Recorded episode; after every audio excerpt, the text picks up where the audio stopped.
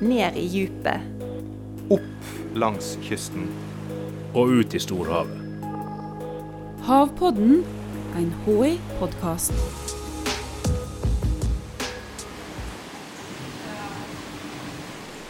Vi er inne i forsøkshallen på forskningsstasjonen i Matre i Vestland. Her svømmer laks i et stort, grønt kar. Men den sumjende laksen han ser litt spesiell ut. Han er nemlig gul. Det er han fordi forskerne har endra genene på laksen. Med metoden CRISPR kan forskerne redigere DNA. De kan slå av et gen, endre et gen, eller til og med lime inn gen fra andre organismer. I utgangspunktet så trenger vi ikke en gul laks til noe, men det var den første forsøkene vi gjorde for å se at denne CRISPR-metoden fungerte. Den gule laksen var altså en test på om metoden virka. En metode Havforskningsinstituttet i dag er verdensledende på å bruke på laks. Jeg heter eh, Rolf Brudvik Edvardsen, og jeg er molekylærbiolog. Hva er en molekylærbiolog? En molekylærbiolog det er en som jobber med de små tingene i cellene. Eh, jeg jobber mye med gener. Eh, hvordan egenskaper blir styrt av genene. Og som vi skal komme inn på, kan man endre disse egenskapene ved å endre genene. Og du jobber med en metode som heter CRISPR. Eh, hva, hvorfor begynte dere å jobbe med denne metoden? Ja, CRISPR er jo en metode for å gjøre endringer i arvestoffet. Og det har egentlig vært mulig å gjøre endringer i arvestoffet ved hjelp av molekylærbiologiske metoder i mange år. Men de eldre metodene de har vært veldig lite effektive, og de har vært veldig dyre. Mens CRISPR, den er ikke det. Den er meget effektiv og veldig billig. Egentlig så er CRISPR et forsvarssystem som bakterier har mot virus. De kan gjenkjenne arvestoffet til virus, og så kan de klippe det i stykker. Så har noen kloke hoder funnet ut hvordan kan vi bruke denne kunnskapen til å lage et system slik at vi kan gjøre endringer helt spesifikt i alle andre organismer. Og nettopp det har de gjort. Så når vi bruker CRISPR, så kan vi bruke det som egentlig var et forsvarssystem mot virus i bakterier, til å gjøre endringer i arvestoffet til laksen. Eh, hvorfor skal en ønske å klippe og lime i eh, genene til laksen? Ja, det er flere grunner til at man har lyst til å gjøre dette. For det første så er dette her et fantastisk verktøy for å kunne gjøre grunnforskning. Forskning som vil fortelle oss hva er egenskapene til et gen, f.eks. Dette her er jo viktig også når vi trekker det videre til mer anvendte ting. En av disse mer anvendelige tinga, det var å lage en steril oppdrettslaks. Det vil vi lage fordi at det er et problem i dagens oppdrett med fisk som rømmer. Det rømmer tusenvis, enkelte år hundretusenvis, av fisk fra merdene. Og når de samtidig også blir kjønnsmodne, så går de opp i elvene våre, og så blander de seg. De blander sitt genmateriale inn i de ville bestandene sitt genmateriale. Og de ville bestandene, de har jo vi en sterk forpliktelse til å beskytte. Og hvis en da har en steril oppdrettslaks? Da vil denne ikke gå inn i kjønnsmodning, og heller ikke ha trangen til å gå opp i elvene. Og selvsagt ikke kunne blande seg inn med de ville bestandene. Og den sterile fisken er jo også bra fordi at du får en bedre velferd. Så når fisken av og til kjønnsmodner faktisk under oppdrett, så vil han få en dårligere velferd. Han blir mer syk, og han får dårligere kjøttkvalitet.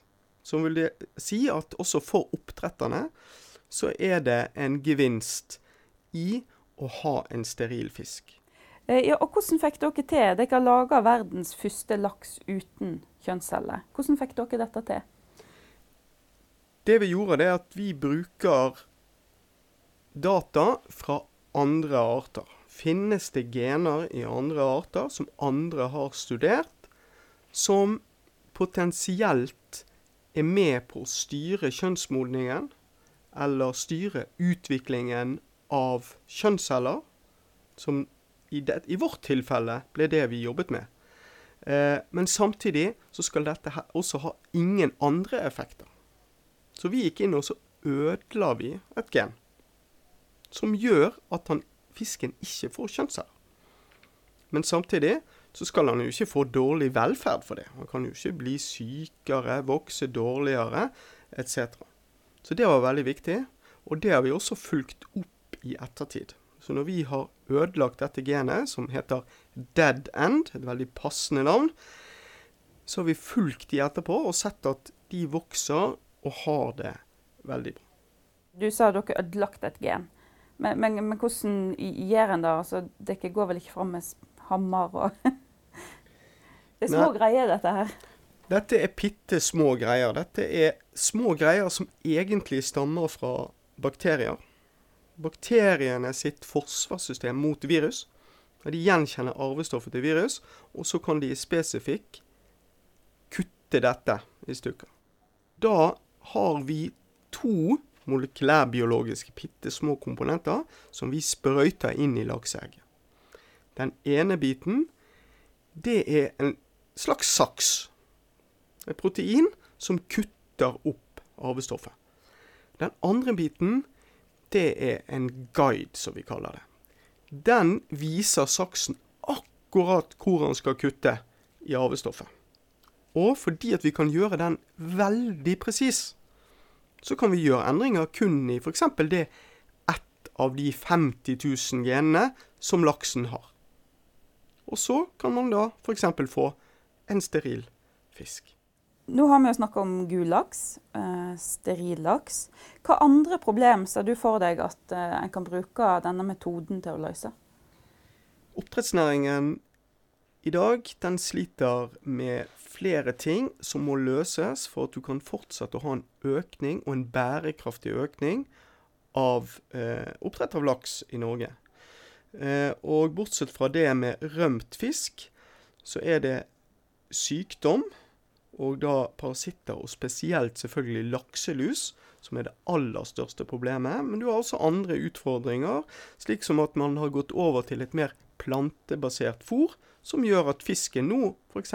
inneholder litt mindre av de gunstige umettede fettsyrene, omega-3, som vi har lyst til å ha i fisken. Og hvordan kan du bruke CRISPR til å løse de tingene? Vi bruker allerede CRISPR for å se på hvordan, hvilke gener er det som f.eks. er med i å danne de lange, gunstige fettsyrene i, langs, i laksen. Så vi kan slå ut disse, og så forstår vi mer på en grunnforskning. Og da forstår vi kanskje mer hvordan kan vi eventuelt kan vi tilpasse fôret til laksen enda bedre. Eller kan vi til og med bruke genredigering i en fremtidig oppdrettslaks og gjøre den enda sunnere. Eh, hva med lakselusa, da? Hvordan kan du bruke CRISPR til å bli kvitt den? Ja, Lakselus er et kjempeproblem for vår atlantiske laks. Men det finnes andre laksearter, bl.a. pukkellaks, som faktisk er resistent mot lakselus. Og hvis vi kan finne ut hva er det som gjør at den er resistent, er det noen spesielle gener? Er det noen spesielle utgaver av de genene som gjør at den er resistent?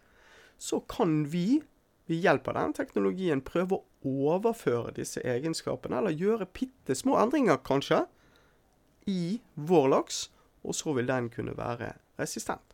Har CRISPR blitt brukt til å løse problemer for andre arter enn laks, som du holder på med? Absolutt. Eh, vi har et godt eksempel fra svin. Så de har problemer med en type virus. Eh, gir både velferdsproblemer og selvfølgelig store økonomiske problemer. Der de har gått inn og så har de forandret på ett gen. Bare tatt ut en liten bit av det genet. Og det genet det lager et protein, eller koder for et protein, som er inngangsporten for dette viruset som lager denne her sykdommen. Så ved å fjerne en bitte liten bit, så ble denne her, disse svinene helt resistente. Og dermed ikke syke. Dere driver jo faktisk og tukler med naturen, kan en si. En klipper og limer og tar inn og tar ut i, i genene til, til en fisk. Er det noen etiske problemstillinger knyttet da, tenker du? CRISPR er, er omdiskutert i, i, i, hele verden. Eh, CRISPR kan gjøre utrolig mye bra. Eh, innenfor medisinen så kan man jo rette opp genetiske feil som forårsaker sykdom. Eh, man kan utrydde planetens mest farlige skadedyr, moskitoen. Eh, man kan lage nye, sunnere matvarer. Eh, og man kan lage f.eks. steril fisk, eller til og med en fisk som er resistent mot lakselus, og enda mer sunn. Så det, det er veldig mange gode ting man kan gjøre dette her. Men likevel, men spesielt innenfor medisinen, så er jo dette her veldig omdiskutert. Skal man gjøre endringer? Skal man lage designer babies?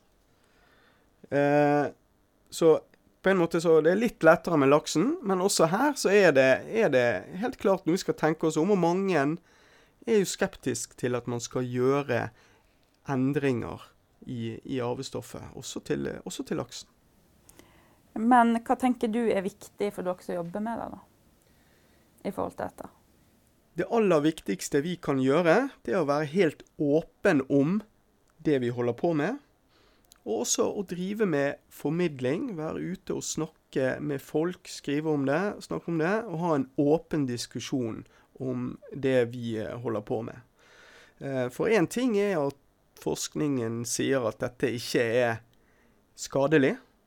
At CRISPR er trygt, at du kan spise genmodifisert mat. Eh, men folk har rett til å vite hvordan denne her potensielle maten er laget, og alle potensielle eh, usikkerheter eh, som er rundt denne teknologien. CRISPR er en bioteknologisk revolusjon som åpner opp muligheter som vi kun for få år siden ikke visste var mulig. Metoden vil gjøre oss i stand til å forstå laksen bedre, og kanskje gi oss løsninger for å sikre bærekraftig oppdrett også i fremtiden. Havpodden er en podkast fra Havforskningsinstituttet. Jeg heter Stine Hommedal og er rådgiver her. Teknisk produksjon og lyddesign var det Febril Film som sto for. Og du, du hører snart igjen allerede neste onsdag.